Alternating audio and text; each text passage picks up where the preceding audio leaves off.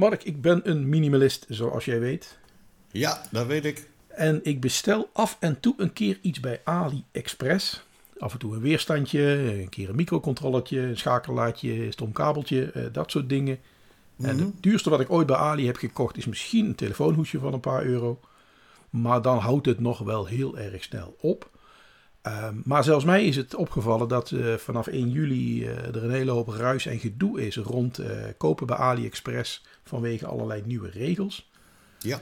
En natuurlijk heb ik het een en ander op internet bij elkaar proberen te harken. En ik moet je eerlijk bekennen, het stuitert van links naar rechts, van boven naar onder. Als het gaat om BTW, als het gaat om inklaring, kosten die we aan de PostNL zouden moeten betalen. Houdt de douane nou wel of geen pakketjes tegen, weet je wel. Nou, invoerrechten was nooit een issue en volgens mij nog steeds niet. Maar het is een hele hoop gedoe en een hele hoop ruis. Dus ik denk, misschien is het dus handig als we de gadgetman eens gaan vragen. Want jij bent natuurlijk iemand die continu een stroom van pakketten uit China laat komen. Dus eh, eigenlijk, eigenlijk een hele simpele vraag aan jou voor deze, voor deze aflevering van, eh, van Gadgetman versus een minimalist. Ja. Hoe zit het nou precies? Is het nou uiteindelijk duurder geworden bij Ali? Moeten we ons nou zorgen gaan maken over die inklaringskosten die er eventueel nog bovenop komen? Bij je simpele pakketje van een eurotje of twee. Eh, misschien dat jij wat licht kan laten schijnen op deze ongelooflijke verwarrende puinhoop. Gadgetman versus Minimalist.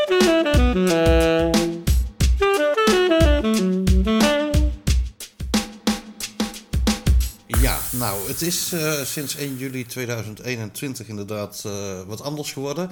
Voorheen was het zo dat je geen BTW betaalde als je vanuit China bijvoorbeeld iets importeerde. Of alles buiten de EU, dus ook vanuit Engeland, eh, Zwitserland. Onder de 22 euro betaalde je geen BTW, kreeg je er geen kosten bij. Die herken ik. Maar als je, als jij iets kocht van 23 euro, dan kreeg je en BTW erbij. En PostNL die ging dat dan voor je regelen, of de pakketvervoerder. En die rekende dan ook nog eens inklaringskosten. En eventueel als het een dure, dure product is, eh, invoerrechten. En ook daarover betaal je dan dus een soort administratiekosten, dat noemen ze inklaringskosten, aan de pakketvervoerder. Want die doet voor jou de aangifte. Ah, omdat wij dus geen eh, belasting betalen in het buitenland, moet de postverzender dat namens ons doen. En die rekent daarvoor dan een extra tarief. Een soort administratiekosten of zo voor de moeite. Ja, maar wel boven die drempel van 22 euro Ah, pas. oké. Ja, precies. Ik heb daar nooit last van gehad, omdat ik altijd pakketjes had van een euro en met 50 cent en 3 euro, weet je wel, dat soort dingetjes. Ja, maar ik heb het dus wel eens gehad dat ik iets van 23 euro bestelde. En dat dat twee keer zo duur werd door die grapjes. Oeh, dat is inderdaad bij. Ik heb het inderdaad één keer gehad, dat ik samen met een vriend van ons iets bestelde. Zeiden we, nou weet je wat, doe maar twee keer. En toen kwamen we inderdaad net boven die Oh, drempel uit. ja, ja. Toen kwam er, wat was het, 13 euro of zo? Kwam, kwam een, eh, een dik tientje bij of zo. Oh, Ja, dat kan. Ja. Ja. En dan kan je dus beter gewoon twee losse bestellingen van maken. En sinds die tijd bestel ik inderdaad elke weerstand los. Ja. maar het is, het is wel wat, wat anders geworden. hè. Misschien ook wel wat redelijker. Eh, vanaf 1 juli is het zo dat je wel BTW betaalt. Ook al is het onder de 22 euro. Eh, maar er is een regeling. En die regeling die is door de Europese Unie op initiatief daarvan eh, in het leven geroepen. Dat is de IOSS. De International One Stop Shop regeling. De import one-stop shop regeling. Ja, Import International. Potato, potato. Ja, oh, true. Eh, maar die regeling die houdt in dat webshops buiten de EU zich kunnen aanmelden. En als ze dat doen, dan kunnen zij de BTW innen van de klant. Dus je productje wordt iets duurder. Ja. In eh, de meeste gevallen zit je aan die 21 procent. Ehm, en die betaal je gelijk- aan de webshop. En tot 150 euro, dus die, die drempel is een stuk hoger geworden nu, weet je wat je kwijt bent.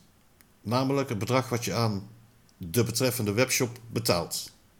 En zij zorgen dan voor de btw-afhandeling. Oh, dus in principe doordat die webshop, dus bijvoorbeeld een AliExpress, zich heeft aangesloten bij die IOSS-regeling, eh, hebben zij dus een administratief 1-2'tje met bijvoorbeeld Nederland, omdat dat zij dus die BTW innen in China en doorschuiven naar Nederland. En dan hoeft die eh, douane en de PostNL er niet meer tussen te zitten. Nou, dan kan de PostNL dus ook geen inklaringskosten meer rekenen. Maar dat betekent dus wel, als ik jou goed begrijp, dit werkt dus alleen maar bij webshops die zich hebben aangemeld bij dat IOSS.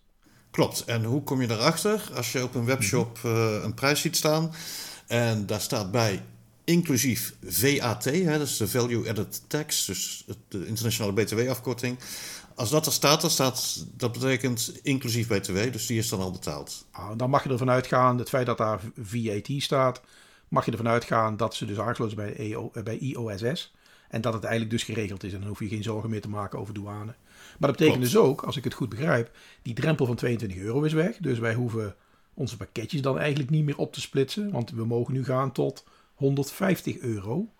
ja. Dan komt er pas weer, uh, dan kom je in het domein van de invoerrechten. Dan. Dat klopt. Oké. Ja.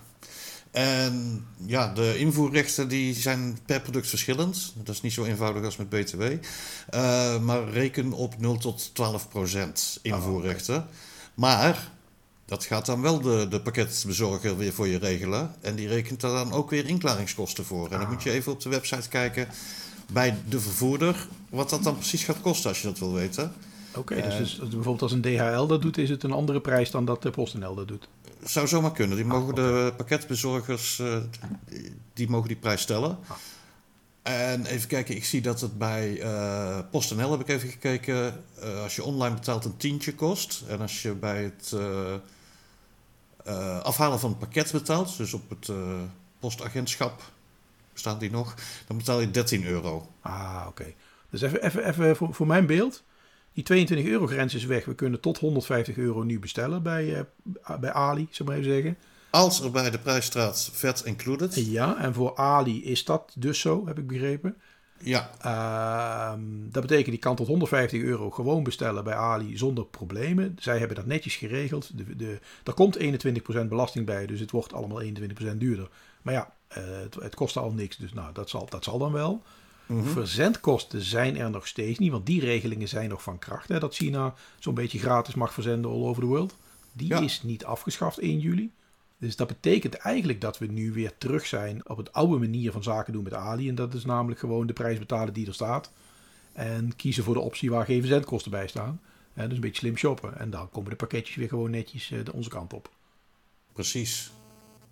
Ja, wel even een disclaimer voor alle zekerheid. Uh, dit zijn tips van ons. Nou, ons beste weten hebben we natuurlijk ja. goed research gedaan. Maar mocht het misgaan, mag je ons niet aansprakelijk stellen. ja, absoluut niet. Want wat, wat je... Want ja, wat ik, wat ik aan het begin al zei, het is heel verwarrend omdat er heel veel uh, tegenstrijdige verhalen continu uh, op de socials voorbij komen. Ja. als ik jou goed begrijp, het is nu vooral nu geregeld omdat Ali, als ik, als ik even specifiek naar Ali kijk, want dat is degene met het enige waar ik zaken mee doe, zeg maar.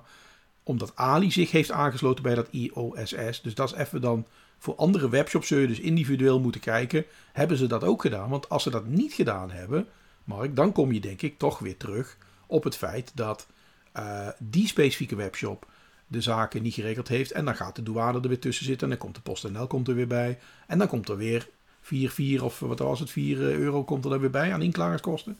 Dat klopt. En de vraag is even hoe erg dat is. Hangt er vanaf wat je koopt. Hè? Als je een kabeltje koopt van 2 euro en er komt een tientje kosten bij, dat is niet leuk. Ja, maar ik koop, maar, ik koop altijd 100 weerstandjes voor een euro, weet je wel. Ja, dat bedoel ja maar stel dat je een uh, robotstofzuiger van 80 euro koopt en die wordt dan 90, dan is dat misschien wat minder erg, maar dan moet je zelf even afwegen.